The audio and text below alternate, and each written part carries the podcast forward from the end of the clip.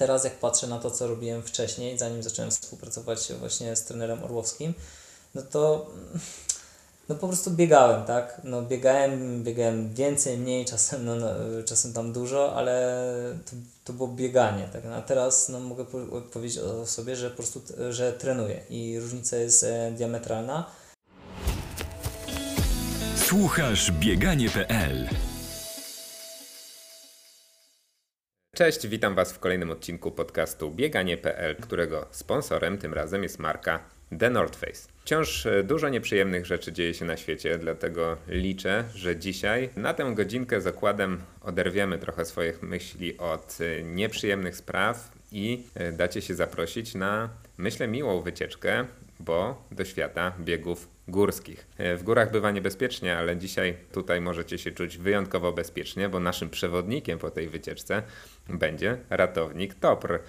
Ale przede wszystkim oczywiście jeden z najlepszych polskich biegaczy górskich, Marcin Rzeszutko. Cześć Marcin. E, cześć, dzięki za zaproszenie, witam wszystkich serdecznie. Od Marcina spróbuję się dzisiaj dowiedzieć, na jakim etapie, jeżeli w ogóle jest taki etap, biegacz powinien zacząć myśleć o trenerze, E, czy trener jest e, potrzebny każdemu? Dlaczego e, część wyczynowców, część amatorów o aspiracjach wyczynowych ma trenera, inni trenują sami? Od czego to zależy? To na pewno jest jeden z wątków, który chciałbym z Tobą, Marcin, poruszyć, ale jeszcze tytułem wstępu i przedstawienia powiem, że Ty jesteś, Marcin, również trenerem w szkole mistrzostwa sportowego w Zakopanem. E, sam wywodzisz się w ogóle z biegów narciarskich. Myślę, że przez wielu moich słuchaczy możesz być też znany jako organizator Tatra Sky Marathon, a jako że e, jesteś biegaczem górskim, a biegi górskie no nie są tak wymierne jak bieganie na ulicy, bo nie zawsze ten czas na końcu e, cokolwiek determinuje i o czymkolwiek nam mówi, to zapytam na początek, tak tytułem przedstawienia, czym ty najmocniej pochwaliłbyś się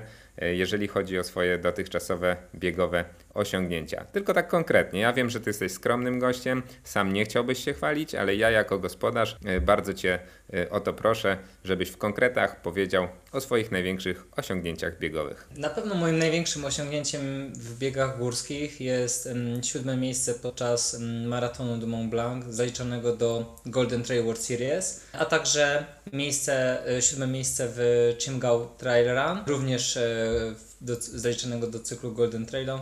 To są takie moje najlepsze osiągnięcia. No to powiedz w takim razie. Oba co... zeszłego sezonu. No właśnie.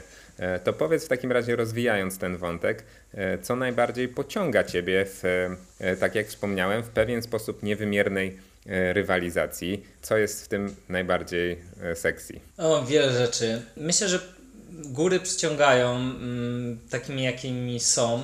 I myślę, że osoby, które biegają, biegają trail szeroko rozumiany, nie, nie będą potrafiły tak w kilku zdaniach mm, wytłumaczyć, dlaczego akurat e, ta forma. Mnie chyba właśnie najbardziej pociąga taka wolność, czyli taka śmiałość poruszania się, szybkość, e, zarówno latem, jak i zimą. Myślę, że zimą na nartach skiturowych to E, szczególnie to jest coś naprawdę fascynującego w tym poruszaniu się po górach na, na nartach. I to wszystko połączone z rywalizacją w jakiś e, świetny sposób współgra i doskonale się w tym odnajduje. No właśnie, ja pytam, wiesz, e, ciebie o to nie bez kozery, bo o ile w takim bieganiu w rozumieniu amatorskim, bieganiu przygodowym, takim bieganiu, nie wiem, tak jak ja bym faktycznie zapisał się na jakiś bieg i pobiegł sobie bieg górski, no to ta, e, te aspekty, o których mówisz, e, są wiesz, e, często wystarczające. A ty, jako już taka osoba, która powiedzmy bawi się w to bardzo profesjonalnie, wyczynowo, uczestniczysz w rywalizacji, która jest taka średnio współmierna, tak? No bo jesteś na jednej imprezie, nie wiem, siódmy, tak jak powiedziałeś, na przykład wracając do Golden Trail Series, za rok możesz być w lepszej formie, a możesz na przykład skończyć dziewiąty, tak? I e, pytanie, czy to nie jest, nie bywa czasami, nie wiem, e, frustrujące, kłopotliwe, ta, ta niewymierność gór? Znaczy, jest kilka takich elementów, które na pewno w jakiś sposób em, przybliżają góry do takiego, nie wiem, powiedziałbym, wyniku asfaltowego, tak? Czyli często się tak spotyka, tak jak ktoś się pyta, nie wiem, jaki masz czas na dychę, czy tam na połówce, czy, czy w maratonie. I wielu biegaczy górskich też myślę, że z tego powodu między innymi startuje w biegach płaskich dla jakiegoś e, sprawdzenia się, punktu odniesienia, nie wiem, wyznaczenia tempa treningowego. No, myślę, że jest po prostu takich szereg rzeczy, dla, e, dla których e, startujemy na ulicy i, no i trenujemy na, na ulicy, tak, czy na stadionie, czy na bieżni mechanicznej. Biegacz górski na ulicy nie sprzeda 100% swojej formy, tak? Bo na tym poziomie, na jakim wy rywalizujecie, no generalnie nie sposób jest połączyć biegania na najwyższym poziomie w górach i, i po płaskim. Trzeba się na coś zdecydować z uwagi na tą specyfikę treningu, tak? I e, ty nigdy e, prawdopodobnie trenując pod góry nie będziesz w stanie pokazać maksimum swojego potencjału na ulicy. Czy, czy tak jest? Myślę, że to zależy y, w dużej mierze od, od takich cech somatycznych, tak? I tego, jak, jak to ktoś jakby e, postrzega sezon jako cały rok, jako taki jeden wielki makrocykl, no bo jeśli są osoby, które mieszkają w takim terenie, gdzie naturalną koleją rzeczy jest przedłużenie sezonu trailerowego przez e, treningi nie wiem, na rowerze, biegów płaskich i wejście w sezon na przykład przez e, bieg na 10 km czy przez płaski maraton, no to te wyniki są bardzo zbliżone, aczkolwiek tak jak mówisz, e, po prostu ten sport zaczął się, e, stał się coraz bardziej e, wyczynowy i o ile wcześniej było to zarezerwowane tylko dla biegów no, maratońskich, tak, już nie mówię o tych podchodzących pod lekką atletykę, czyli World Athletics, ale im takie otwarte maratony komercyjne, no i to samo się dzieje w biegach górskich, tak, czyli, czyli już w pewnym momencie mm, trzeba się na coś zdecydować, no nie da się wygrywać wszystkich imprez po kolei. E, To myślę, że też jest świetne, bo pokazuje jak ten poziom naprawdę się poprawia z roku na rok. E, No i tak jak mówiłem właśnie, że biegi płaskie są jakimś punktem odniesienia. W biegach górskich też e, jest taka punktacja ITRA, mm, czyli mm, strata bądź do pierwszego zawodnika, bądź właśnie wynik na podstawie tego, w jakim czasie pokonało się daną trasę. Nie jest to idealne rozwiązanie, ale mm, no, mamy też rodziny, rodzimy system Rate My Trail, który nawet powiedziałbym, że działa w wielu sytuacjach dużo, dużo bardziej precyzyjnie niż ITRA. I jest to właśnie coś, do, do czego można się odnieść. Pytanie, czy zawsze tego potrzebujemy, tak? Myślę, że po prostu jeśli ktoś ma jakąś misję i chce się sprawdzić na przykład, nie wiem, jaka mogłaby być jego życiówka e, w maratonie, no to kurczę, no to niech tam po prostu ciśnie, niech się poświęci ku temu i naprawdę bardzo podziwiam takie osoby, które rewelacyjnie startowały w biegach górskich, ale jednak mocno sfokusowały się na ulicy. No myślę, że takim przykładem numer jeden jest e, Kamil Jastrzębski, ale i e, bardzo podoba mi się droga Andrzeja Witka, który no teraz widać e, obrał na cel właśnie złamanie tego dw- e, 2.20 w, w maratonie. A z kolei takie osoby jak na przykład nie wiem, Bartek Przedwojewski, który myślę, że też z powodzeniem nam rywalizować na ulicy, no to oni się przebranżowili jakby już stricte pod góry, łącznie z tym, że nie wiem, czy Bartek w ostatnich, nie wiem, 4 latach biegł szybkie 10 km, żeby się sprawdzić. No właśnie, ale jest też e, w ogóle ruch w drugą stronę, e, bo trzeba przyznać, że biegi górskie mocno się profesjonalizują i też e, między innymi właśnie cykl Golden Trail Series, który jest no, w fantastyczny sposób relacjonowany i myślę, że wyniósł trochę na nowy poziom właśnie e, relacje chociażby dla kibiców e, z biegów górskich, e, no to ca- całe środowisko się profesjonalizuje i jeżeli rozmawiamy o tych dwóch światach, ulica e, góry, no już podobno nawet e, jakiś powstał zespół kenijskich biegaczy, którzy e, szykują się do startu e, w górach. Co na to górale? Czy jest e, strach i czy jest w ogóle to prawdopodobne, że oni mogliby zdominować e, biegi górskie, tak jak to ma miejsce w przypadku właśnie biegów ulicznych? Myślę, że tak. Im niczego im nie brakuje i na wielu imprezach pokazują, że mm, no, są w światowej czołówce. I myślę, że osoby tak naprawdę z czołówki, ta taka ścisła elita, to oni cieszą się na rywalizację e, z takimi osobami. Oni nie chcą wygrywać, być e, bogami e, danych, nie wiem, miejsc czy tam dystansów i że nic się tam po prostu nie zmienia od lat. Nie chcą hegemonii, tylko właśnie, żeby podwyższał się żeby się podnosił e, poziom sportowy. I myślę, że bardziej sceptycznie to by podchodziły osoby z, nie wiem, z 10-20 miejsca, które spadłyby od razu w klasyfikacji o te kilka pozycji. A ci najlepsi, myślę, że oni by chcieli udowodnić, że kurczę, jestem, e, mogę tutaj powalczyć, jednak jestem najlepszy na świecie, pomimo, nie wiem, uwa- innych uwarunkowań genetycznych, tak? Więc no, niech przyjdą i niech namieszają w świecie trailu. Ja, ja jestem za.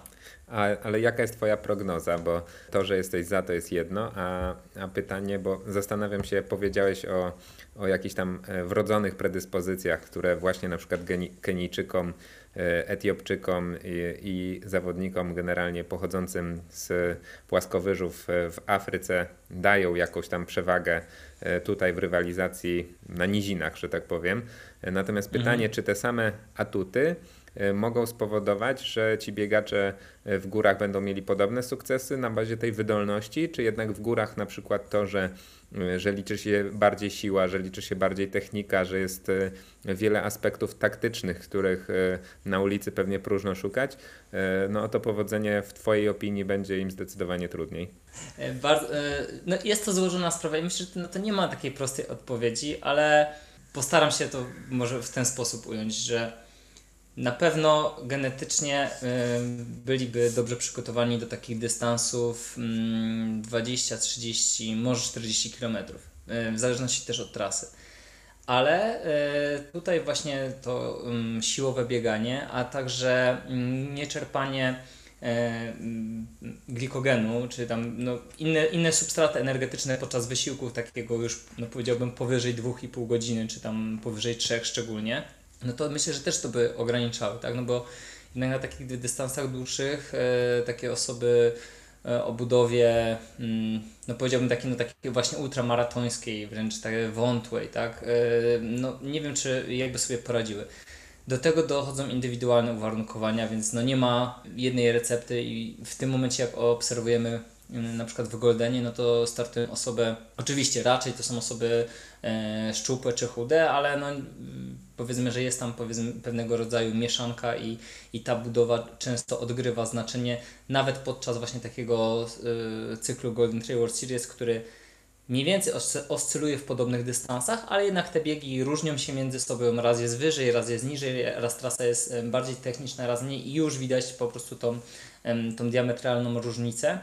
No, ciężko jednoznacznie określić. Myślę, że w wielu sytuacjach, w wielu biegach takich naprawdę prostych to będzie e, ich to bardzo mocny atut. Zresztą, kurczę, tak jak Tim Bednarek e, startował e, czy w Polsce, czy na przykład na Słowacji, no to, to są po prostu kosmiczne czasy, tak? I to były osoby, które startowały tutaj na 10 km, za chwilę bieg górski, za chwilę maraton, czy tam półmaraton.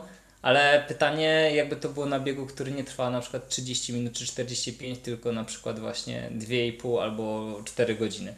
Ja szczerze mówiąc jestem ciekawy, o nim się mm, też e, zastanawiałem się nad tym mocno, tak jak na przykład takie teamy biegowe jak Run Together. E, Zresztą już rywalizują wielu, e, wielu imprezach typu nie, na przykład Sierzinal. No i tak mieszają się, no. Ale myślę, że no najważniejsze jest to, żeby jednak cały czas ten poziom, e, poziom sportowy się podnosił, bo za tym pójdzie wszystko, tak? Pójdzie większa medialność, widowiskowość, no sponsorzy, więc w zasadzie wszyscy będą zadowoleni. Jeżeli rozmawiamy o e, zaletach, słabościach i generalnie cechach biegaczy pod kątem biegów górskich, to powiedz, jak ty patrząc na siebie określiłbyś e, te poszczególne parametry? Co jest największą na przykład zaletą e, ciebie jako biegacza e, górskiego w kontekście twojego biegania? No bo masz fajne porównanie, dlatego że uczestniczyłeś w wielu imprezach nie tylko krajowych, ale również niejednokrotnie stanąłeś oko w oko chociażby z tymi najlepszymi e, na świecie. Jak siebie określasz, co jest twoim największym atutem? Myślę, że wytrzymałość, e, jednak e, potrafię wytrzymać e, tempo biegu, aczkolwiek to jest i mocna strona, i słaba strona z drugiej strony, bo myślę, że dobra wytrzymałość e, to też nie polega na tym, że człowiek się budzi po dwóch godzinach biegu i nagle tam zaczyna przesuwać się tam na, tych, na pozycjach i mówi, kurczę, jakby do mety jeszcze tam było 5 km czy ileś, prawda?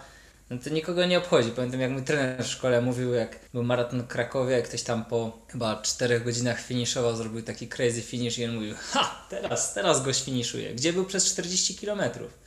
No i tutaj, tutaj jest dokładnie tak samo, tak, że po prostu no okej, no wytrzymałość wytrzymałością, ale trzeba pracować nad, e, nad szybkością i na tyle mocno ruszyć, żeby tutaj ekipa nie odbiegła, a później no właśnie postarać się wytrzymać, więc jakby bardziej celuję w poprawianie swoich e, słabych stron, no a, a te mocne strony po prostu pozostawiam też na takie powiedziałbym no na dni konia, kiedy po prostu no wszystko, e, wszystko się zgrywa, aczkolwiek myślę, że tak jak większość startujących, e, nie wiem czy się ze mną zgodzi czy nie, no to jednak wygląda to tak w sezonie, że jak się ma, nie wiem, 8 startów, załóżmy co już, no i tak uważam, że no 8 no to już naprawdę gdzieś tam sporo, no to 6 jest zrobionych na takim, powiedziałbym, e, przeciętnym przygotowaniu, także to nie jest taki top, że coś się dzieje, że musimy po prostu powalczyć z własnym organizmem, a jednak takie biegi, e, takie o, właśnie takie dni konia to, to zdarzają się stosunkowo rzadko, na pewno nie na każdym starcie. No to jeżeli powiedziałeś, że skupiasz się najbardziej na słabościach, to jaka cecha z kolei jest e, twoją taką najsłabszą na ten moment? Na pewno e, szybkość na podbiegach, czyli takie zdobywanie, prędkość w metrach na, na godzinę, czyli właśnie wertykale, często tak jak właśnie za- zaczynają się zawody i jest pierwszy podbieg mocny, na przykład nie wiem, 1400, 1700 metrów ma pierwszy podbieg na trasie przewyższenia, no i bardzo często tam właśnie na nim tam e, cierpię i liczę na to, że odzyskam gdzieś siły w drugiej, e, w drugiej części trasy. Po kontuzji mam też trochę e, problemów ze zbieganiem, e, natomiast e, zmieniłem mm, trening, znaczy zmieniłem, zmieniliśmy wspólnie z trenerem Andrzejem Orłowskim e, nastawienie do treningu z biegów, e, bo wcześniej jakoś tak przychodziło to samoistnie, e, a teraz jednak gdzieś tam muszę się na tym właśnie bardziej poświęcić, bo biegnę nieco zachowawczo i, i w zeszłym roku to parę razy było widać na zawodach, więc e, no w zasadzie w tym momencie to podbieg i zbieg, tak? czyli w zasadzie kluczowe elementy e, zawodów w, bieg, w biegach górskich, ale tak jakby no, pracuję nad tym. Marcin, to powiedz w takim razie, jakie konkretne narzędzia i e, jak e, ułożone w planie treningowym, e, jeżeli chodzi o to tempo podbiegów, mogą przesunąć Cię na wyższy poziom. Nie wiem, czy będą one się przekładały na również na takie bieganie bardziej amatorskie, ale to jest na pewno ciekawe, żeby to usłyszeć. Myślę, że taką prawdziwą receptą to powinny się podzielić osoby, które de facto szybko prze, przesuwają się w pionie. Z mojej strony mogę powiedzieć, że pracujemy nad tym, żeby po prostu zwiększać y, interwałowo szybkość, y, czy to podczas y, biegu, czy, znaczy może inaczej, czy to jest właśnie metoda ciągła i wykonujemy jeden podbieg mocniej na zasadzie właśnie jakiegoś, nie wiem, drugiego zakresu, tak, załóżmy, albo albo tempa progowego, wtedy na przykład dzielimy ten podbieg, albo też wykonujemy w ciągu czasem takie odcinki bardziej intensywne, czasem takie nawet yy, nie wiem, 3-minutowe, 3-minutowe i każdy z nas może sobie właśnie spróbować yy, i wie, w którym, w którym momencie, tak no mówiąc kolokwialnie, odcina albo co wykonuje mu się najgorzej i myślę, że to jest taki później klucz do poprawy. Czasami to właśnie będzie ta seria podbiegów na koniec treningu, tej z siły specjalnej albo wykonywanych e, no, w wielu, wielu powtórzeniach, czyli już bardziej tej takiej wytrzymałości siłowej. To wszystko zależy, ale myślę, że mm, z jednej strony warto mieszać, a z drugiej to też e, no, trzeba pamiętać o tym, o takiej bazie treningu, e, teorii treningu sportowego, że y, no, jednostkę trzeba powtórzyć, tak? Czyli no, nie można y, robić takich treningów w stylu Rockiego, że robię raz trening jak, na jakiś czas, jakiś taki totalny zajazd, i, ale ja go robię na przykład raz, dwa razy w roku. To jest bez sensu.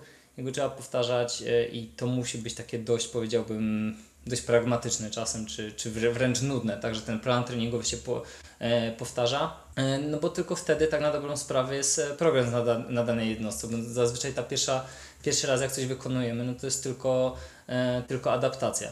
No, wszystkich zachęcałbym do tego, żeby po prostu podczas e, tych przygotowujących się do biegów górskich i czujących, że faktycznie jest problem na przykład na tym pierwszym podbiegu, tak jak na przykład właśnie ja to powiedziałem na, na swoim przykładzie, to podczas długich wybiegań, to nie traktujmy może tego, że to długie wybieganie musi mieć 3, 4 czy tam 5 godzin, tylko zróbmy na przykład krótsze, nawet może nie wiem, w okolicach 2 godzin. To powiedziałbym na górę, to myślę, że to jest, to jest nic. No to trudno to porównać z takim longranem klasycznym, ale w tym różmy takie takie właśnie zróbmy takie 30-40 minut drugiego zakresu na pierwszym podbiegu i później dokończmy trening. I to jest wtedy zupełnie inna jakość e, treningu i też no, rozmawiając z osobami startującymi właśnie w Golden, w Golden Trail Series, e, między innymi Francesco Pup- Pupi tak mówił, że po prostu dla niego long run no, nie jest wcale taki bardzo długi, to jedynie na rowerze robi takie dłuższe rozjazdy, ale tre, trening jako typu właśnie long run no, musi być po prostu jakościowy, więc to bym po- polecał. Ty jesteś e, właśnie, tak jak sam wspomniałeś, podopiecznym trenera Andrzeja Orłowskiego. E, On już był gościem mojego podcastu i sądząc po tym, e, jak dobrze słuchał się ten e, podcast, no to e, jest w środowisku i pośród moich słuchaczy bardzo duże zainteresowanie metodami trenera Andrzeja Orłowskiego.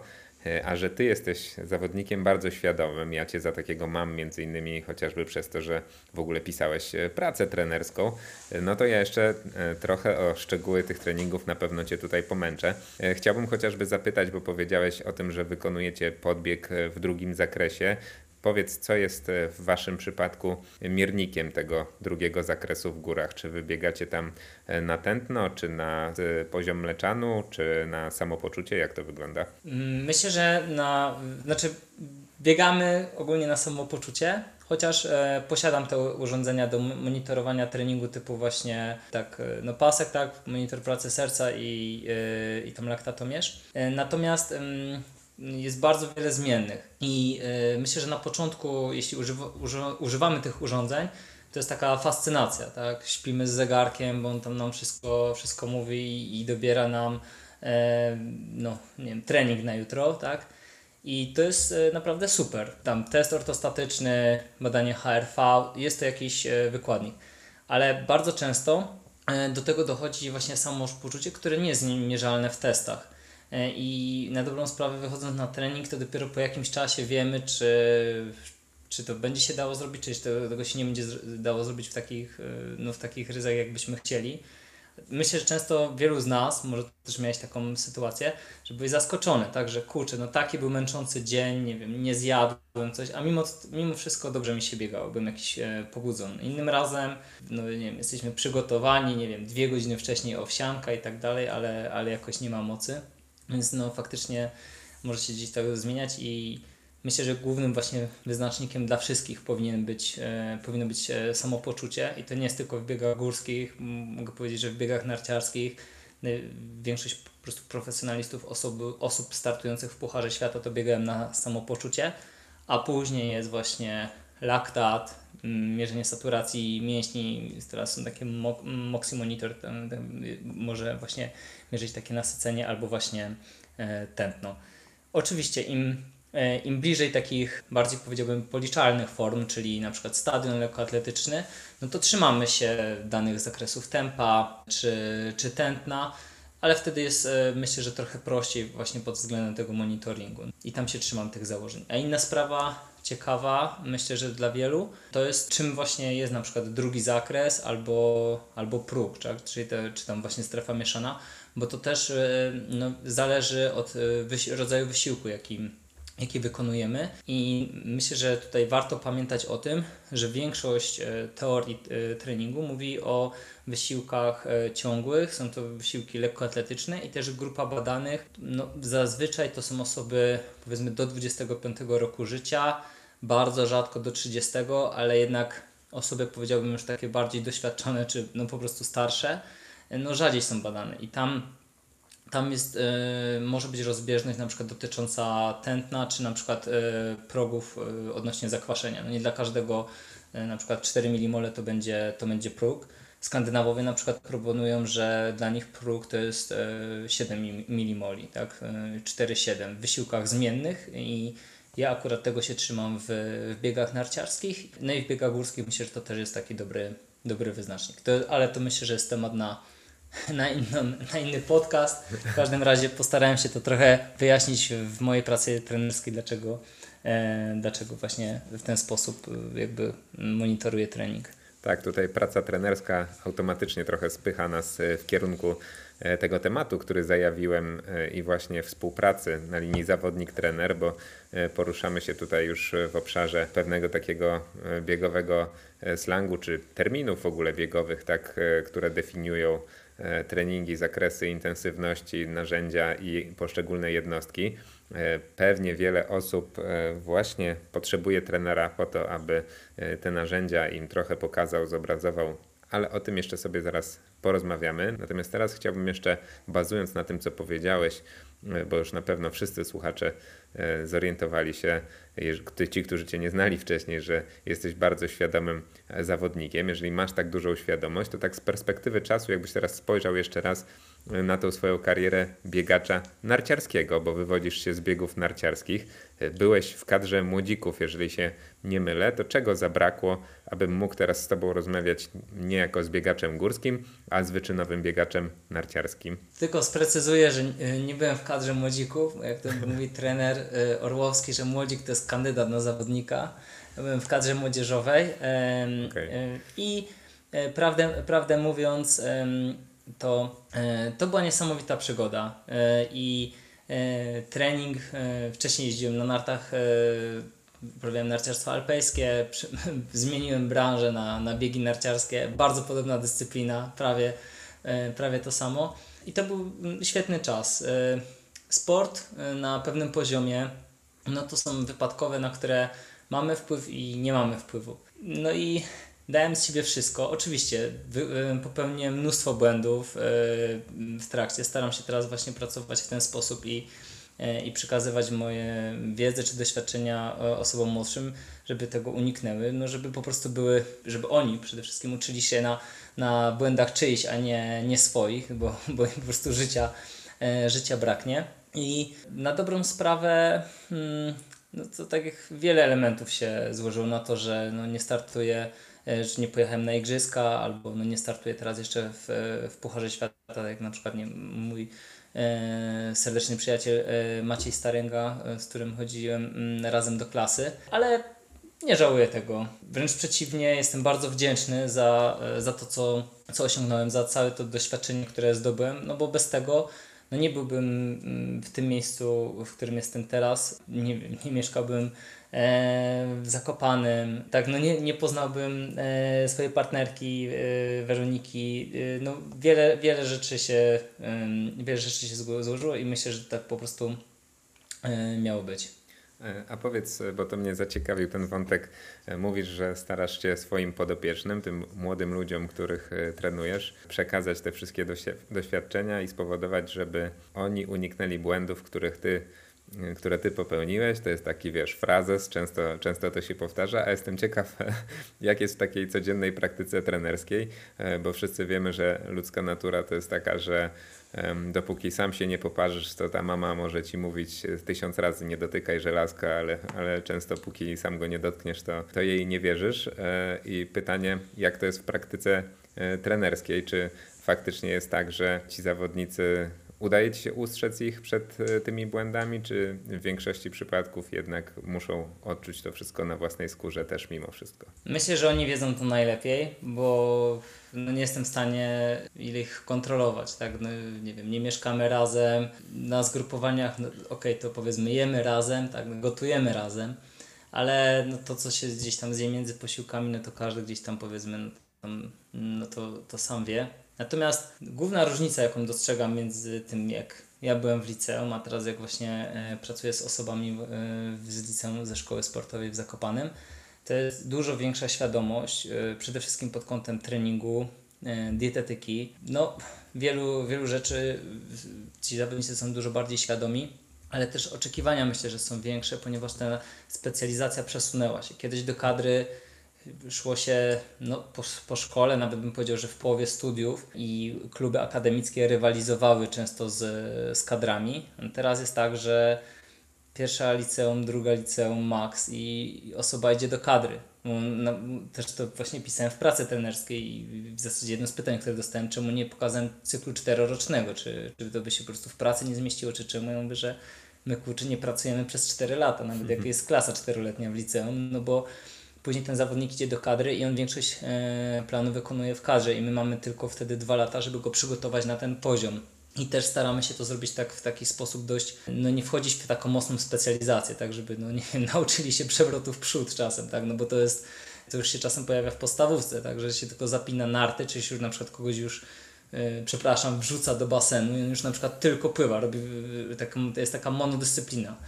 E, I no to później jest po prostu bardzo szkodliwe i dlatego też e, świat nam w pewnym momencie no, odjeżdża, odbiega czy odpływa e, w, pe w pewnym momencie i nawet kiedy- kiedyś byłem na takim, takiej kurso konferencji w Spale z Akademii Trenerów i tam właśnie była o tym rozmowa i widzę, że to jest po prostu zbieżne dla wielu dyscyplin, tylko w różnych powiedzmy rocznikach.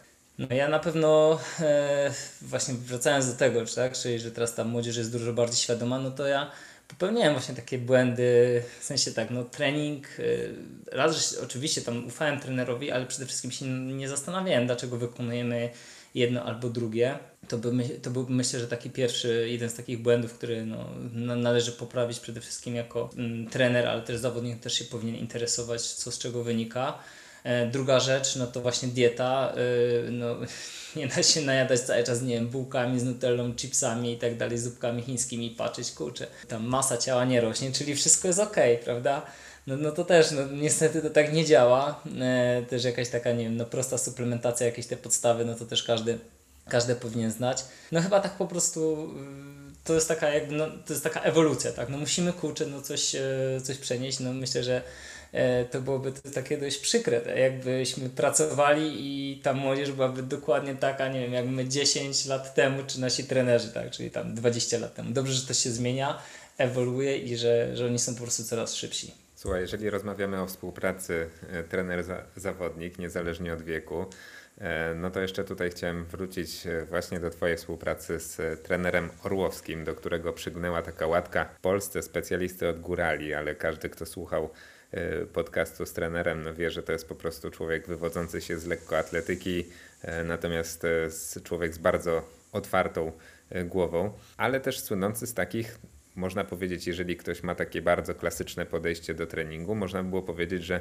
nietypowych metod i narzędzi treningowych, o których niejednokrotnie wspominał e, czy Bartek Przedwojewski e, w swoich relacjach, czy, czy wy. Chciałem się zapytać, czym ciebie trener najbardziej zaskoczył, jeżeli chodzi o takie konkretne jednostki? Która z jednostek mogłaby wydać się najdziwniejsza do, dla kogoś, kto e, patrzy w ogóle na waszą współpracę e, z boku, którą ty pod okiem trenera wykonywałeś? E, Myślę, że takiej pojedynczej nie ma. Mm, Natomiast może najdziwniejszym to byłoby, znaczy może dużo większe wrażenie byłoby taki no, mikrocykl, czyli właśnie na przykład kilka intensywnych jednostek w tygodniu, takich e, wręcz powtarzających się bardzo często, no bo jeśli na przykład mamy e, cztery tempa, znaczy, znaczy tempa, no to też zależy co rozumiemy przez tempo, tak, ale jeśli mamy nie wiem, bieg, e, bieg ciągły, tak, e, właśnie ten zakres. Później mamy przetworzenie, czyli jakiś albo bieg zmienny, albo powtórzeniowy. Później jest e, na przykład kolejny raz powtarzamy zakres i do tego jeszcze dorzucamy właśnie podczas long runa jeszcze właśnie jakiś taki intensywny odcinek. No to myślę, że to może się wydawać dziwne. Natomiast e, no wszystko zależy w jakich to jest e, okresach. Myślę, że trener ma to e, no, najlepiej poukładane. Często, znaczy często, może rozmawiamy o, o, o, tych, o tych rzeczach, ale prawdę mówiąc też staram się tak no, nie wypytywać dlaczego konkretnie to tak ma i tak wyglądać. Raczej wiem, że trener ma po prostu swój plan i jakiś taki szersze spojrzenie na to wszystko i często jest tak, że no ciężko byłoby tak właśnie no każdemu tłumaczyć, e, każdą jednostkę jest osobna, ale no mm, samemu też próbuję dojść, na przykład dlaczego robimy to w taki, a nie inny sposób. Czy znajduję właśnie w literaturze, czy, czy na przykład no trochę rzeczy mi się wydawało skorelowanych e, z treningiem e, Inge, Inge Brixena, albo pytałem się dlaczego na przykład tam trener na przykład uważa, że e, próg y, jest powiedzmy tam od innych wartości, tak? Nie, nie trzyma się sztywno tych 4 milimoli, czy to jest na przykład, e, tak jak wspomniałem wcześniej, w tym dla tych dyscyplin takich o charakterze zmiennym.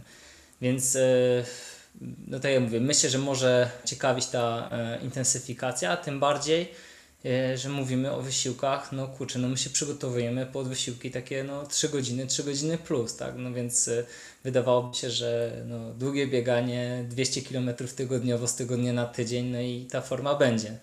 No ale no, myślę, że ten Orłowski też, no, on bardzo dużo obserwuje, zresztą mnie ten na początku zafascynował, że też e, podgląda treningi innych, ale tak nie ślepo, że na przykład, że nie wiem, okej, Remi Bonnet coś zrobił, no to my to robimy za tydzień, tak? Tylko to jest analiza, dlaczego, aha, dlaczego tak, a nie inaczej. Dlaczego na przykład Paul Kappel biegł e, 30 km e, ciągły i po czym to robił. No i ma na to taką szerszą perspektywę i to, o czym mówiłeś wcześniej, o tym doświadczeniu e, trenerskim, no to czy, czy może takiej świadomości, no to uważam, że no to jest coś takiego, że no cały czas trzeba być w tym obecnym. E, współpraca e, z trenerem Orłowskim to z jednej strony to jest prowadzenie, ale z drugiej strony to jest taka wiedza, którą e, no nie będę ukrywał, no też przemycam do, no czy do planów e, szkolnych, e, tak, no wiadomo, że jak się pozna coś, co, co kto- ktoś ma na przykład inne spojrzenie i na przykład i działa, jest to ciekawe rozwiązanie, no to czemu tego nie wdrożyć e, u innych, także, także u amatorów. Niech oni też idą po prostu tą drogą taką, bym powiedział, no nawet na, na skróty, tak? Wiem, że to jest e, temat rzeka, ale generalnie e, filozofia treningu. Natomiast e, jestem ciekawy w takim razie, skoro powiedziałeś, że do biegów e, 3-3,5 godzinnych e, nie masz kilometrażu na poziomie 200 km tygodniowo, to w jakich ramach on oscyluje? E, Bardzo różnie. Mm, W zasadzie jest e, kwiecień, tak? Ja chyba- teraz pierwszy raz przekroczyłem 100 km, no bo tak to narty, inne jednostki, więc, e, więc tego biegania było mało i raczej skupiałem się, że jak mam biegać wolno, no to, to lepiej iść na narty. A e, treningi jakościowe wykonywaliśmy na, na bieżni mechanicznej. Oczywiście, w, e, w, jeśli jest więcej czasu latem, jest zgrupowanie, no to nieraz się tam 200 km, znaczy no można powiedzmy tam biegać w okolicach e, 200 km, ale prawdę mówiąc ja tego tak dokładnie nie liczę, no bo tak jak rozmawiamy tutaj o, od początku, te no, biegi górskie nie są tak policzalne pod kątem właśnie treningowym, musielibyśmy patrzeć na kilometraż i na przewyższenie, tak, no to ja robię dużo więcej przewyższenia, założmy, niż e, Krzysiek Bodurka, a on pewnie robi znacznie więcej kilometrów. Pytanie, co się kryje za tymi liczbami? Czy wręcz czy nie są to właśnie tylko takie, no, no taka, taka cyfra? No bo no fajnie sobie na koniec roku wrzucić podsumowanie na strawie, że się tyle i tyle godzin tam przeharatało, czy, czy zrobiło metrów w górę. No ale co za tym stoi? No często to jest naprawdę wiele, wiele rzeczy. I no, dla mnie na przykład takie podsumowania tygodniowe, no to niewiele mówią. E, czy z obserwacji kogoś, czy, czy takiego samego dla siebie. No, z jednej strony to monitoruję, no bo tak patrzę mniej więcej jak, jak to wygląda, no też uważam, że Strava jest takim e, dobrym dzienniczkiem treningowym, e, potem no, liczę to po, po, powiedzmy tutaj za, za nas, czy Training Peaks, e, ale no tak jak mówię, no, no nie przywiązuję godzin, e, nie przy, przepraszam, nie przywiązuję uwagi do, e, do liczb. Marcin, to w takim razie wyobraź sobie, że leżysz przed, leży przed tobą kartka, gdzie jest e, plan treningowy rozpisany przez trenera Orłowskiego, a ty jeszcze na ten moment nie wiesz, że to trener Orłowski e, ten trening rozpisywał. Po czym zorientowałbyś się? Co jest takim znakiem rozpoznawczym, bo szukam sposobu na opisanie takiej e, filozofii treningu trenera Orłowskiego.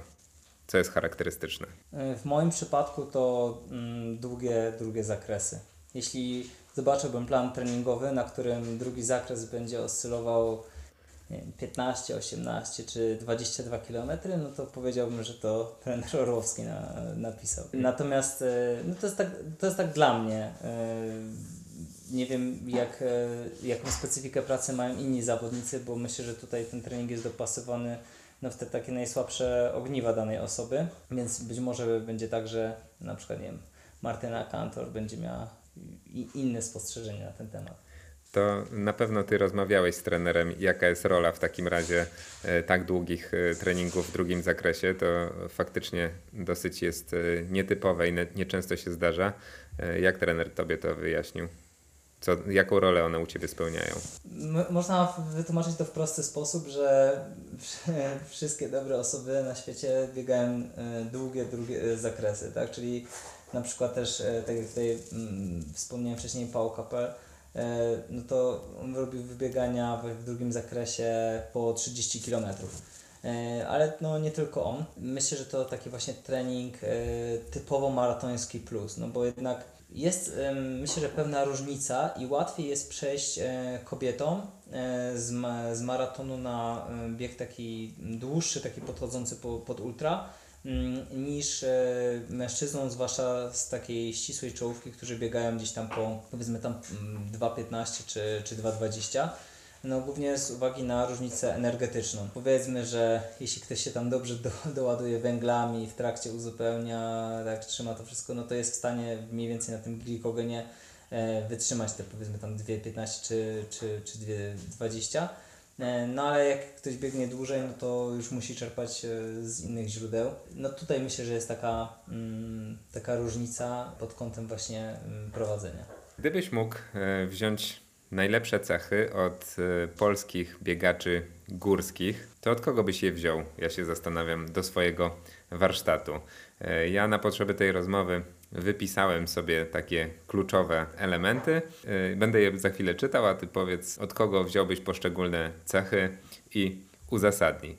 E, Na początek przygotowanie sprawnościowe. Kto spośród polskich zawodników e, jest tutaj Twoim zdaniem najlepszy? E, No to myślę, że sprawnościowo na pewno e, świetnie jest przygotowana e, Martyna Kantor i myślę, że też Bartek Przedwojewski. Okej. Szybkość na płaskim. Mm, Krzysiek Bodurka mm, y, i też jeśli chodzi o kobiety, to też chyba, dał, e, też chyba bym tutaj mm, ujął Martynę. No dobra, to wytrzymałość.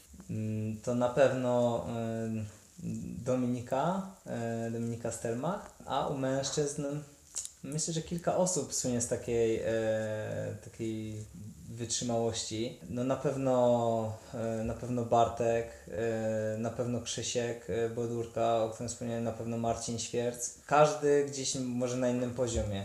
Ja bym powiedział, że na przykład może Krzysiek często miał takie problemy właśnie, że nie wytrzymywał albo miał jakieś problemy powiedzmy na, na, dłuższym, na dłuższym biegu.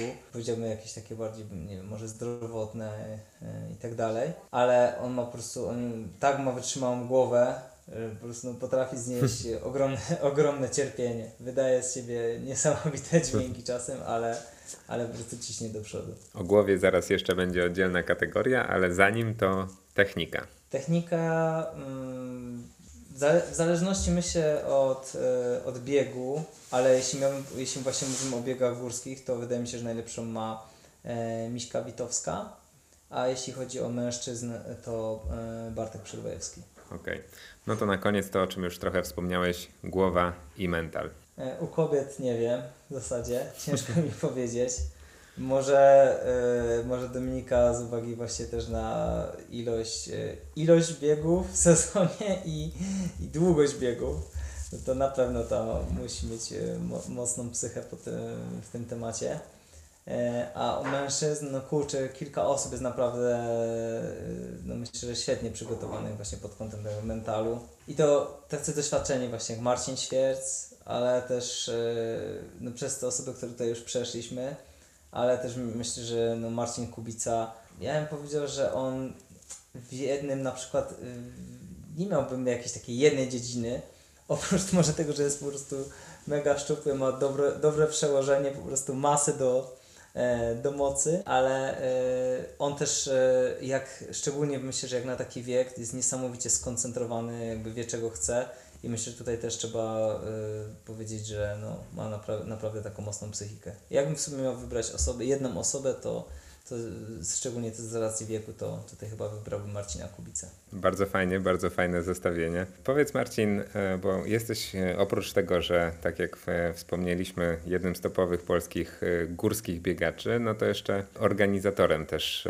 też biegów, więc masz dosyć szeroką perspektywę. Jak wygląda obecnie poziom polskich górali na tle tej światowej, międzynarodowej czołówki, z którą miałeś przyjemność też e, rywalizować? Gdzie my jesteśmy, jaka jest, e, jaka jest średnia, jak to u nas wygląda? No, powiedziałbym, że to wygląda bardzo dobrze. Bardzo mnie cieszy to, że y, dużo osób startuje za granicą w takich prestiżowych biegach. No bo no, trochę to napędza innych i to podnoszenie poziomu, jeżdżenie na te, na te zawody właśnie pucharowe, te najlepiej obsadzone, pokazuje też tym młodszym adeptom y, biegów górskich, że no, warto to robić, warto się w, skoncentrować, y, naprawdę tak potraktować to zawodowo, a nie, że to jest, nie wiem, emerytura z innego sportu, tak? Czyli nie wyjdzie mi nie wiem, w lekkiej, w kajakarstwie, w biegach narciarskich, no to wtedy zostanę biegaczem górskim, tylko można się już dużo szybciej e, sfokusować na, na tej dyscyplinie. No myślę, że takie pierwsze ścieżki, tak jak dla mnie, no to e, przetarł e, Marcin Świerc, Magda Łączak, tak, e, no to oczywiście były tam wcześniej, wcześniej oczy- oczywiście osoby startowały w biegach górskich, ale e, powiedziałbym tak dla mnie tak ma, namacalne, no to właśnie obserwowałem sukcesy między innymi Marcina i, i też jakoś to mnie gdzieś tam nap- napędzało, no myślę, że no, patrząc na, na to, nie wiem, jak, jak biegał na przykład w Szamonin, to chyba mało kto nie pomyślał wtedy, no kurczę, też tam pojadę i, no i będę tam w, w trakcie tego festiwalu. No i jednocześnie i to samo e, Bartek Przedwojewski, tak, że jakby znowu to pociągnął trochę, e, trochę w czymś innym, tak, trochę w, w czymś krótszym. Myślę, że równie takim medialnym, e, bardzo dobrze to wygląda, bardzo dobrze się ogląda też Goldena, tak, no wywołuje to myślę u wielu takie no, ciarki, jak się widzi, jak na przykład nie wiem, wygląda Zegama, to nie, też parę razy na przykład oglądaliśmy e, w szkole, jak właśnie rywalizują biegacze. I na przykład na przykładzie, na przykładzie Goldena, no to w 2018 roku, e, czyli no, zaledwie 4 lata temu, no to myślę, że jako Polacy byliśmy traktowani jako totalna egzotyka, tak, że myślę, że wielu osób organizujących, organizatorów nie do końca wiedziało, gdzie, gdzie jest Polska na mapie. No tak, tak byliśmy tak traktowani tak trochę po macoszemu. No to szybko się zmieniło. E, znaczy może nie po macoszemu, ale tak trochę z przymrużeniem oka. E, nie wiem, jak skyrunning w, Hol- w Holandii, aczkolwiek Nienke Brinkman udowodniła, że, że, się, że się da, tak, ale no, jakby wracając tutaj do, jakby przybijając do brzegu, no to Bartek już na pierwszych zawodach tak, udowodnił, że kurczę, no trzecie miejsce na Zegamie, e, no Polacy się mogą e, naprawdę pokazać na, ze świetnymi na, wynikami na najmocniej obsadzonych e, na świecie zawodach. E, No i później kontynuacja, tak? Kontynuacja przez, e, przez osoby, no między innymi startujące w Goldenie, tak? Czyli e, teraz możemy patrzeć ile osób startowało od- tego czasu, tak? Czyli była e, i Miśka Witowska, Paulina Tracz, Dominika Stelmach, e, no Mart, e, Martyna Kantor, e, Krzysiek Budurka, Marcin Kubica, e, ja startowałem, e, Piotrek Łobodziński, E, No i nie tylko, bo też e, no, trzeba e, pamiętać o tym, że to są biegi otwarte, więc często no, mo- mogą się po prostu zapisać osoby. No nie, nie ma takich może, nie wszędzie są takie bardzo rygorystyczne warunki e, kwalifikacji jak na, na zegamy, tak, że trzeba mieć tam naprawdę no, duże szczęście w losowaniu. I to, że właśnie tyle osób startuje i na przykład, że ym, zdarzają się biegi, że nie dwóch, trzech Polaków jest w top 10, to pokazuje tą, mm, tą polską siłę, tak? Że pokazuje to, że naprawdę nie mamy się czego wstydzić, że nie musimy mieć po prostu kompleksów, tylko można e, no, rywalizować e, z, z najlepszymi albo z prawie najlepszymi, tak? No, e, ja powiedzmy nie jestem takiej top, mm, w tym topie, prawda? No bo prawdę mówiąc, no nie, nie, nie rywalizuję bezpośrednio tak e, z Bartkiem Przedwojewskim na trasie, no bo ja go często no, w ogóle nie widzę tak, ale no myślę, że już te miejsce tam powiedzmy właśnie top 10 to 6, 7, 8 miejsce, no to wiem, że jest w zasięgu, a, a apetyt jest na, na znacznie więcej. No i też y, podoba mi się to, że przychodzą młode osoby, czy tak jak właśnie Marcin Kubica startuje od razu top 10 na Skyrunę, też bardzo mocno obsadzony bieg i no będzie tylko lepiej. No to powiedz jeszcze właśnie jako organizator, e, tak w skali makro, e, co w polskich realiach e, jakby jest największą szansą na rozwój biegów górskich, co im najbardziej pomaga, jakie są największe zagrożenia i blokady do tego, żeby takich zawodników e, było jeszcze więcej? To jest dość kontrowersyjne pytanie, bo ona ma takie, e, powiedziałbym, znaczy może pytanie nie jest kontrowersyjne, ale może być będzie kontrowersyjna odpowiedź. Ona ma dwa Uwielbiamy podłoża, kontrowersje, Pierwsze to, dajesz. je, tak, pierwsze to jest podłoże takie z poziomu zawodnika. Jeśli na zawodach nie będzie pieniędzy, nie będzie pieniędzy na, za nagrody, może jakiś tam nocleg i tak dalej, ale przede wszystkim jako nagrody, tak? No bo to też uważam, że nie powinno być pieniędzy za to, że ktoś przyjechał i pomachał ręką, tylko żeby dobiegł na metę i tam po prostu zainkasował odpowiednią nagrodę. Jeśli będą biegi po ple, e, o plecach, no to ten, e, ten poziom się nie rozwinie. Natomiast nie zawsze, e, nie zawsze muszą być jakby tylko pieniądze. Są biegi, są festiwale, gdzie inaczej wyglądają budżety i tam musi być na przykład tych nagród więcej. Musi być więcej takich, e, nie wiem, rzeczy nagromadzonych w pakiecie startowym, czy czy musi być to powiedzmy taki szerszy bieg, większy festiwal i czasem ten top jest pomijany. I jakby chciałem, chciałem tutaj powiedzieć, że jest miejsce i dla tych, i dla tych. Czyli możemy robić zawody takie, gdzie faktycznie jest taki top i myślę, że szczególnie to powinno być na zawodach, gdzie, jest, gdzie może być zakwalifikowana mała liczba osób, na przykład imprezy w Tatrach. Uważam, że tam powinno się organizować imprezy mm, mistrzowskie, żeby właśnie w te, powiedziałbym, no nie wiem, dobrze wykorzystać te, te, te, te tam 350 miejsc. E, Oczywiście nie tylko, nie tylko Tatry, tak, oczywiście gdzie, gdzie indziej też. E, Natomiast na, e, na dużych festiwalach, no to tam powinien być już według mnie taki większy, mm, większy nacisk na e, tego, e, tego biegacza amatora, czyli e, no, powinien być pod wieloma względami zadowolony z tego biegu, tak? Czyli właśnie może jakiś tam fajny pakiet startowy, zdjęcie, tam catering, żeby, żeby była po prostu jak, z tego jakaś taka pamiątka, no bo to jest taka, często jest taka forma takiej biegowej rekreacji, także no, no zresztą no kurczę, no ile jest takich biegów nawet gdzieś tam w okolicach 80 kilometrów, że no osoby w ogóle nie trenują, idą na to z marszu, prawda?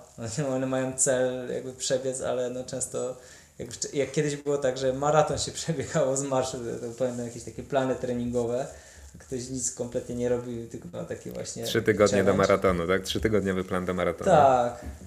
No ale kurczę, kto z nas nie słyszał, nie, słuchał, nie słyszał o czymś takim, że ktoś się na przykład przygotowuje do biegu rzeźnika tam no, przez właśnie taki krótki, krótki okres, tak? I no i tak jak mówię, no też jest na to miejsce, tylko e, no to uważam, że trzeba, e, trzeba bilansować, a z drugiej strony pytanie, czy na przykład właśnie, nie wiem, jak jest jakiś dystans, że tam startuje załóżmy, nie wiem, tysiąc osób, czy nie można tam zaprosić 10 osób mocniejszych, yy, fajnie im za ten bieg za, zapłacić, no bo jednak kurczę ci amatorzy, to też myślę, że skorzystają na tym, że yy, może nie wszyscy, ale może yy, dla kogoś to będzie taka duża wartość dodana, że o kurczę, stoję na przykład na starcie z, nie wiem, z Dominiką Stelmach, albo tam właśnie, nie wiem, z Marcinem Świercem, Bartkiem Przedwojewskim i tak dalej, no to myślę, że też może napędzać. No i jeszcze jedna rzecz, niech w końcu się elita spotka w jednym miejscu, no bo jak będziemy się też tak jakby rozmieniać, będzie bardzo dużo powiedzmy takich, e, no często było tak, że Mistrzostwa Polski na przykład no nie gromadziły e, na, na najlepszych zawodników, ale myślę, że to się po prostu zmienia na, na duży plus. No i to też myślę, że w, jeden, w jakiś sposób może być e, spowodowane tymi e, kwestiami ekonomicznymi. No dobra, Czyli no jakby ale już tak sk- jakby sumując, no to co nie rozwija, na pewno nie rozwija e, brak odpowiednich e, jakby nagród i trzeba to w, w jakiś sposób e, rozwijać razem z rozwojem takiego sportu jakby typowo ama- amatorskiego, czyli robienie biegu dla, szczególnie dla, e, dla amatorów. No dobra, to powiedzieliśmy sobie o przyczynie, ale jakbyś, e, znaczy o skutku, ale jakbyś mógł e, powiedzieć o przyczynie, co jest powodem tego, że właśnie jest, tak jak powiedziałeś, e, tyle biegów o plecach. Czy komuś tam nie zależy, czy to są kwestie ekonomiczne, no bo organizatorom, co, co zrobić, co by się musiało zadziać? Bo ja dzisiaj na przykład pisałem, chyba się nie obrazi Kamil Leśniak, jak zdradzę, że dzisiaj Dzisiaj sobie rozmawialiśmy i Kamil powiedział, że na przykład w przyszłym tygodniu są jakieś Mistrzostwa Polski w Anglosasie bodajże i nagroda główna to jest e, 300 zł, tak? No więc e, to nawet e, chyba e, jak się dojeżdża z daleka, to przy aktualnych cenach paliwa to ciężko było, żeby się za podróż nawet zwróciło, jak ktoś wygra. To taka słaba motywacja. Dlaczego tak jest? E, No i tak, znaczy biegów o plecach jest coraz mniej, ale te, one też są potrzebne, no bo często są takie biegi lokalne, że nie wiem, ja, tra- ja robię teraz w sobotę zawody skiturowe i no wydawało się w sumie jakiś tam krótki czas temu, że no w ogóle nie będzie nagród, e, nic kompletnie. Na, e, na szczęście znaleźli się sponsorzy, powiedziałbym gdzieś tam w ostatniej chwili, no i, i mamy tutaj pewną pulę, ale wiem, że wiele osób no nie jest w stanie tego tak powiedzmy tak mm, ogarnąć E, i, y, i też nie należy ich wytykać, e, wytykać palcami, bo tak jak mówię, często są takie właśnie biegi lokalne i, i powiedzmy taka nagroda jest ok.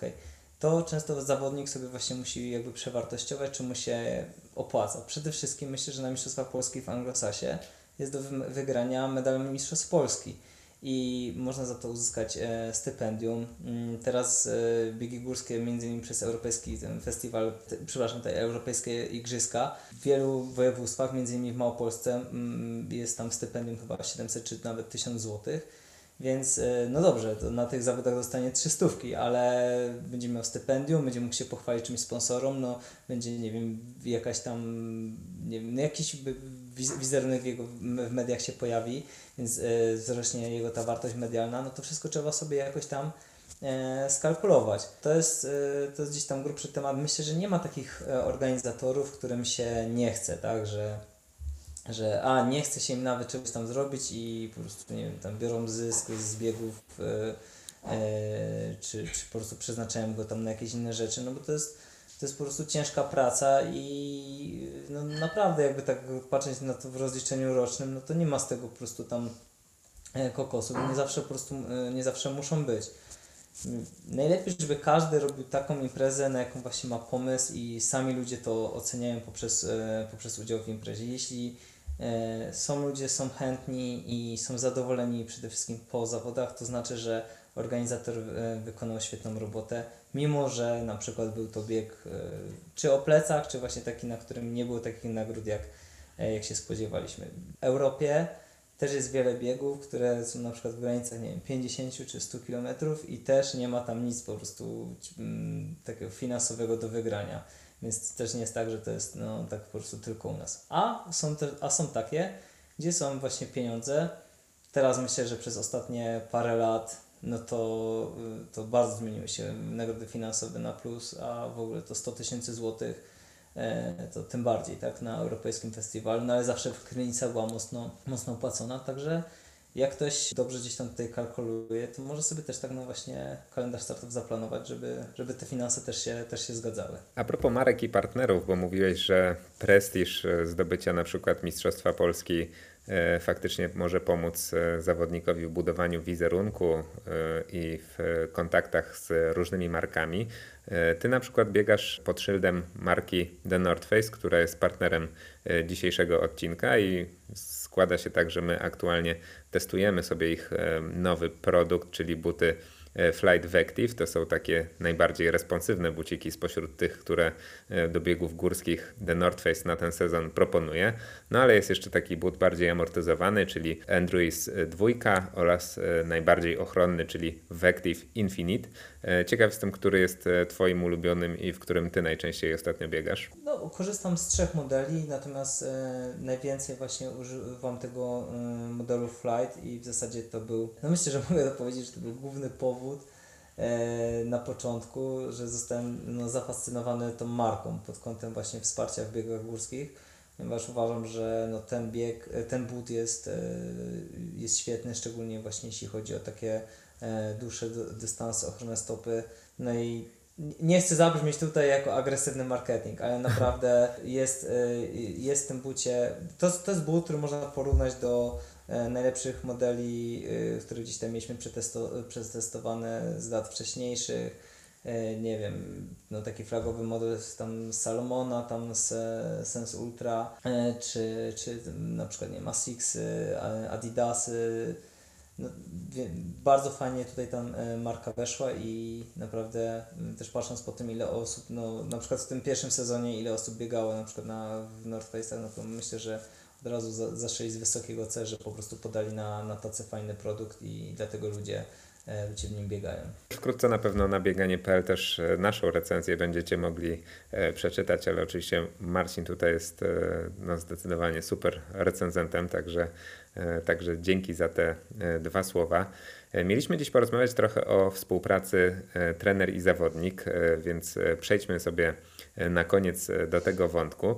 E, Ja zawsze tak się zastanawiam e, i jestem ciekaw odpowiedzi Twojej na to e, pytanie, bo e, jest w Polsce wielu prosów, takich zawodników naprawdę wyczynowych z bardzo wysokiego poziomu, e, którzy e, trenują sami siebie. Można, nie wiem, wymieniać Arka Gardzielewskiego, Marcina Chabowskiego, czy z górali Andrzeja Witka, jeżeli tak można go zaszufladkować. Czy ty wiesz, jak to wygląda pośród takich topowych górali na świecie? Czy tam też e, są tacy zawodnicy, którzy sami się prowadzą, czy jednak większość e, już współpracuje z trenerami? E, Myślę, że w tym momencie większość pracuje indywidualnie i to też, znaczy indywidualnie to trenują sami, sami siebie i no to wynika, to wynika z kilku rzeczy. E, wielu wypadkach to jest właśnie ta e, zmienność pracy, też jest mało specjalistów na świecie, e, jeśli chodzi o, o mm, biegi górskie, znacznie łatwiej znaleźć e, trenera pod maraton, pod e, 50 km płaskie. I prawdę mówiąc, e, no to na przykład właśnie mówił e, Remi Bonnet, że e, współpracował z trenerem, e, chwilę to nawet była chyba jakaś osoba z jego rodziny, e, natomiast e, później e, stwierdził, że no jest po prostu no, za zad- zawirowania, e, chciał wejść e, po prostu do klubu, gdzie tam mm, szykowali, znaczy do klubu takiego maratońskiego, ale ta osoba po prostu powiedziała, że no no nie chcę za bardzo zajmować się górami, to jest jednak coś innego. To było w 2018 roku. E, No i pytałem się wtedy, e, a z, z czego wynika ta zmiana? No, Mówi, że się po prostu przetrenował. I, myśl, I to jest chyba e, główna, e, główna rzecz, która e, spotyka, czy tam może spotkać osoby tren, trenujące indywidualnie. E, no, chociaż e, myślę, że jest kilka takich, e, są plusy i minusy z jednej i drugiej strony. Na pewno jest, jeśli jest inna osoba, tak, czyli jest właśnie ten trener, a kurczę, a jak ktoś jest, no powiedzmy, no nie wiem, dorosły, tak, czy dorosły plus, czy ma na przykład, tak jak ja, 30 lat, jakieś już ze sobą e, krótkie, no ale jednak doświadczenie, no to pra- współpraca z trenerem to uważam, że jest jeden z najlepszych rozwojów. No to jest po prostu tak jak, nie wiem, wykłady akademii trenerskiej, czy, czy jakiś kurs, y, jakby non-stop. Człowiek się uczy, poznaje nowe rzeczy, nawet jak te treningi są powtarzalne, gdzieś są właśnie te takie, te takie smaczki, że tylko dlatego warto być po prostu z tą, e, z tą osobą. A przecież e, plusów jest e, znacznie, znacznie więcej, więc no, ja w tym momencie no nie wyobrażam sobie, żeby zrezygnować ze współpracy. Gdyby mi się coś na przykład no, bardzo mocno pozmieniało, to przynajmniej bym pozostał na poziomie takiej właśnie konsultacji, no bo teraz jak patrzę na to, co robiłem wcześniej, zanim zacząłem współpracować właśnie z trenerem Orłowskim, no to no po prostu biegałem, tak? No biegałem, biegałem więcej, mniej, czasem, no, no, czasem tam dużo, ale to, to było bieganie, tak? No, a teraz no, mogę po- powiedzieć o sobie, że po prostu, że trenuję i różnica jest e, diametralna. Chcę tego spróbować, chcę tego doświadczyć, przejść przez to przez kilka lat, tak żeby się w ten trening właśnie wdrożyć, zaaklimatyzować, żeby z niego najwięcej wycisnąć. Tak, żeby było tak jak w biegach narciarskich, że no chciałem wycisnąć z tej dyscypliny ile się dało. Ja tam zrobiłem po prostu swój absolutny maks i dlatego nie wiem, no zawsze mnie przerażały te osoby, które tam opowiadały, że kurczę, gdyby nie to, gdyby nie słupek, gdyby nie poprzeczka, no to mieliby taki i taki wynik. Ja jakby do- dobrnąłem do swojego maksimum w biegach górskich, e, przepraszam, w biegach, w biegach narciarskich, a w biegach e, górskich chcę do tego, chcę do tego dążyć. No i mam co, co chwilę, a głównie tak miałem na Azorach, e, jak wydawało mi się, że ten, no, ten top 10 to jest absolutnie nie do złapania, po czym się okazało, że jak się człowiek tylko inaczej mentalnie nastawi, może rywalizować z tą czołówką, z tą czołówką top 10. No tak w zeszłym roku sobie powiedziałem, kurczę, no trenuję, bo wiem, że w tym, że mogę być w tym top 10 i, yy, i po prostu udowodnić, że z tego, nie wiem, 24 miejsca, które tam zajmowałem, czy poza 30, że można się tam po prostu przepchnąć. A, te, a teraz trzeba po prostu iść za ciosem i, i mm, jeszcze po prostu uzyskać więcej. A jak to się ma Twoim zdaniem właśnie do to, co powiedziałeś, do biegania takiego amatorskiego? Jeżeli e, jesteśmy zawodnikiem, jesteśmy biegaczem, który no, chce się poprawiać, ale nie ma jakichś e, wyczynowych e, aspiracji, jest to typowo pasja i, i taki dodatek, ale no, chyba wszyscy lubimy jakoś tam e, widzieć, że idzie to w dobrą stronę, to czy Ty byłbyś w stanie e, nie wiem, udzielić takiej porady, powiedzieć do którego momentu e, faktycznie e, możemy sobie biegać e, samodzielnie, czy na jakichś tam internetowych planach, a gdzie warto już zacząć, w którym momencie rozglądać się za jakąś e, pomocą, na przykład w osobie trenera właśnie? Myślę, że na, na początku to warto po prostu biegać sobie dla, e, dla fanu. Mm, Żeby, żeby mieć radość e, z takich pojedynczych wyjść. E, raz krócej, raz dłużej, w zależności wszystko od samopoczucia, tempo też na samopoczucie i myślę, że to powinien być taki, e, taki basic. Później wraz też e, pewnie z, z, taką, z takim wzrostem świadomości można byłoby zacząć korzystać z z literatury. Myślę, że taka jedna z takich bardziej przystępnych to jest e, wydawnictwa bodajże Galaktyka e, Training for the Appeal Athlete. Przepraszam, bo ja nie znam tytułu polskiego, chyba jest pod górę, ale po prostu ja zamówiłem wcześniej tą wersję angielską i przeczytałem i, i, i ona była tam trochę wcześniej, chyba rok albo dwa lata wcześniej była wydana, ale ona jest, e, wiem, na pewno jest przetłumaczona teraz na język polski, już tam od paru lat jest e, super przy, przystępna i polecam ją na początek właśnie dla takiego świadomego treningu. Tam już można zacząć sobie układać właśnie taki swój plan. Ewentualnie właśnie trochę na skróty, no to powiedzmy, że jakiś taki gotowy, jakby nie, nie wchodząc jakby w szczegóły, ale myślę, że każdego z nas by to jakoś tam ciekawiło. Jest też kiedyś też trafiłem na taką książkę e, Advanced e, Marathoning e, i też bardzo przystępne plany treningowe plus krótkie wytłumaczenie dlaczego wykonujemy dany, mm, dany trening. Myślę, że w wielu, w bardzo wielu sytuacjach dość lakoniczne, ale jednak na początek i myślę, że dla wielu to, to będzie bardzo, mm, bardzo ciekawa propozycja. I myślę, że po tym etapie, albo być może mm, pomijając jakby ten etap, można byłoby zacząć właśnie współpracę z trenerem, e, który w zasadzie jest e, od tego, żeby no, albo spełnić na początku powiedzmy tą e, rolę książki i trochę gdzieś tam uświadamiać jakby w pewnych, mm, w pewnych kwestiach. Taki powiedziałbym bardziej instruktaż na, na początek, jak, jak to gdzieś tam powinno wyglądać. E, Niemniej jednak, no, ja prawdę mówiąc nie miałem e, okazji e, pracować z takimi osobami e, zupełnie początkującymi. Raczej e, każdy, każda z osób e, ma za sobą pewną przeszłość. Może to czasem są, nie wiem, dwa lata biegowe albo e, jakaś bardzo aktywna turystyka, i, ale e, po, po czym jak przechodzimy na bieganie, to okazuje się, że jest naprawdę naprawdę bardzo fajny poziom wydolnościowy. Myślę, że przede wszystkim no, musi być po prostu z tego przyjemność i, i warto, sp- warto spróbować jednego i drugiego, tak? Czyli warto przede wszystkim jakby wyjść na trening, zobaczyć, czy to sprawia fra- frajdę, później mm, wejść sobie właśnie w, czy w książkę, czy, czy w gotowe plany treningowe, a może właśnie spróbować właśnie takiej opieki trenerskiej mm, i zobaczyć, jak się to będzie rozwijać. Myślę, że po już po krótkim czasie to wiadomo, w którą stronę to pójdzie. Oczy, od razu powiem, że nie wszystkie e, osoby e, kontynuują dalej i na przykład z, z, ze swojego doświadczenia powiem, że no bardzo wiele osób rezygnuje po, po miesiącu, czy w zasadzie po dwóch tygodniach. Często na wysokim poziomie, bo po prostu wolą sobie dalej być takim flow treningowym i i często to są zawodnicy najlepsi na świecie, więc jakby totalnie nie odpowiedziałem na to pytanie. Tak, tak, tak odpłynąłem, e, ale, e, ale to bo, bo właśnie bo myślę dlatego, że nie da się na nie po prostu jednoznacznie odpowiedzieć. No, albo wybieramy taką drogę e, stopniowania, a jednocześnie mam z tyłu głowy teraz tyle takich przykładów, że ktoś gdzieś tam jednak zrobił inaczej i też odniósł, e, odniósł sukces. No, więc e, no naprawdę, naprawdę to po prostu bardzo, bardzo wiele od wszystkiego zależy. Tak jest. E, Ulubione sformułowanie tutaj w moim podcaście to zależy, ale e, to chyba dobrze, bo świadczy to o tym, że e, po prostu ważymy swoje słowa i e, nie upieramy się tutaj na e, sztywne e, tezy, które no, zazwyczaj w życiu się jednak mimo wszystko nie sprawdzają, bo życie tych e, sztywności nie lubi, nie jest czarno-białe, tylko zazwyczaj e, szare. Ja tylko jeszcze powiem e, wszystkim osobom, które być może po, po tym fragmencie rozmowy chciałyby poszukać tej książki, o której mówisz, że faktycznie wydawnictwo Galaktyka to jest oczywiście e, książka, która w polskim przekładzie jej pełny tytuł to jest Pod górę trening dla biegaczy i skiturowców.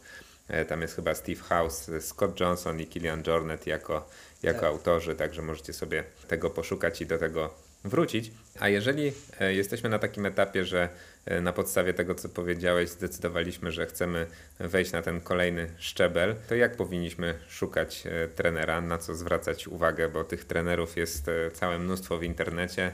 E, Jedni tacy, drudzy inni. Oczywiście każdy twierdzi, że jest najlepszym trenerem e, na świecie i, i lepszego nie znajdziemy. E, A czym ty byś się sugerował, gdybyś e, musiał znaleźć sobie trenera, będąc właśnie na takim poziomie? E, Myślę, że trener e, w pewien sposób jest e, skorelowany z zawodnikiem i odwrotnie, czyli myślę, że jest typ osób, która od razu chciałaby na przykład trenować z Marcinem Świercem, a inni na przykład z Krzyśkiem Bodurką, Bartkiem Przedwojewskim czy Marcinem Kubicą. Być może dziewczyny bardziej by chciały na przykład, albo część osób z Martyną Kantor, e, Kasią Solińską. Myślę, że po prostu jest tak, że obserwujemy, mamy e, jakiegoś takiego swojego, nie wiem, faworyta, czy, czy po prostu osobę, którą gdzieś tam lubimy, po, podoba się e, nam jej sposób bycia i często pod kątem tego pada wybór. No bo myślę, że no pewnie, pewnie w tym momencie najpopularniejszym mm, trenerem w Polsce jest e, trener Orłowski. E, ale tak się zastanawiam, czy wiele osób em, no, wie, jaki ma na przykład nie wiem, dorobek trenerski, czym się tak na, na dobrą sprawę zajmuje i tak dalej. Raczej myślę, że po prostu lubimy go, jest sympatyczną osobą, świetnie prowadzi konferencjerkę na Tatraskiej Maratonie, jest widoczny w mediach, no wiele osób go chwali. I tym no, jakby niby go znamy, nie znamy, ale się, ale się tutaj decydujemy. I to jest myślę, że na przykładzie wszystkich osób. Też przy wyborze dałbym sobie trochę takiego, mm, dałbym sobie taki trochę margines, tak trochę luzu, no bo Słuchaj, no kurczę, no może nam, nie wiem, Bartek Przedwojewski pisać plany i możemy biegać na dokładnie to samo, co on, co, co ma na papierze, ale czyjeś nazwisko no nie jest gwarancją wyniku i to jest na dobrą sprawę tylko, no, no to są tylko cyfry, czy tam rozpiska, a realizacja, no to, no to zależy od nas i jakby cała ta otoczka dookoła. I tak jak właśnie to Kilian Jornet e, podsumował, że na koniec e, nie traktuj tego treni- treningu zbyt poważnie i myślę, że to tak trochę e, gdzieś tam powinno być, że ta relacja powinna być no taka bym powiedział trochę luźna, żeby w niej przyjemnie wytrzymać i jeśli myślę, że biegamy tak e, dla przyjemności i kończymy sezon i mówimy, nie no, całe szczęście, że się to skończyło, całe, całe szczęście, że jest roztrenowanie, bo już po prostu nie, nie mogę patrzeć na te buty biegowe czy narty, no to myślę, że po prostu coś robimy nie tak. No, musimy czerpać radość e, z każdego wyjścia, z każdego treningu i myślę, że wiele osób tak robi E, i, no i przede wszystkim bawić się tym. I to jak, jak będziemy w ten sposób się re- realizować, będzie to, to przyjemne, to, to sukcesy na pewno za tym przyjdą.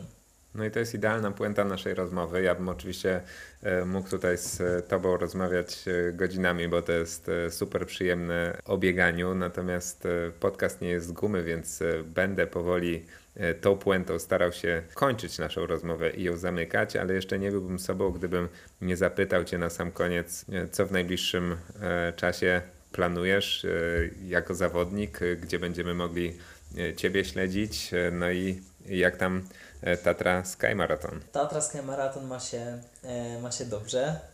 Pracujemy nad organizacją, także no, cały czas finalizujemy wszystkie, wszystkie rzeczy. No, ten kolejny rok jest też, jest też dużym wyzwaniem, ale, myśl, no, ale też oczywiście myślimy parę lat do przodu, jak, e, jak cały czas właśnie rozwijać e, ten event. A jeśli chodzi o moje plany startowe, to e, póki jeszcze w Zakopanym jest śnieg, no, w zasadzie teraz, teraz, e, teraz sypie, e, no to e, mm, dwa razy e, wystartuję jeszcze na nartach, e, na pewno w Mistrzostwach Polskich, które odbędą się 18 kwietnia, a później, e, kilka dni później, bo to w za- w zasadzie już 23, czyli ten w zasadzie niecały tydzień, 5 dni po, e, będę w Szarnicy na Mistrzostwach Polski e, na Wielkiej Prechybie. E, To będzie moje e, otwarcie sezonu biegowego. Po tym e, odstawiam właśnie narty, czy w zasadzie przed, tak, dzień przed, czy dwa dni przed, odstawiam narty e, tutaj do, e, do szafy i już właśnie skupiam się na stricte na tym właśnie treningach biegowych. No i takim moim celem numerem jeden na pierwszą, na pierwszą mm, jakby połowę roku, no to jest Zegama i i później maraton do Mont Blanc. Mam nadzieję, że potem dobrze się rozwinie właśnie klasyfikacja w Golden Trail World Series e, i, no i z powodzeniem się mm, zakwalifikuję w dobrej pozycji na, e, na Maderę, na, na finał. To tego Ci życzę. E, Będziemy oczywiście śledzić i relacjonować e, na bieganie.pl. E, Dziękuję Ci bardzo za rozmowę. Dziękuję również wszystkim, którzy zostali z nami do końca. Zachęcam do e, ocenienia naszego podcastu na Spotify, bo to pozwoli mu e, dotrzeć do coraz większej liczby e, słuchaczy, a mam nadzieję, że skoro zostaliście do końca, to e, treści są dla Was interesujące i mogą okazać się również interesujące dla innych. Jeszcze raz serdeczne dzięki. Dziękuję Ci Marcin za rozmowę. Dzięki wielkie. E, I do usłyszenia w kolejnych odcinkach podcastu bieganie.pl. Cześć! Słuchasz bieganie.pl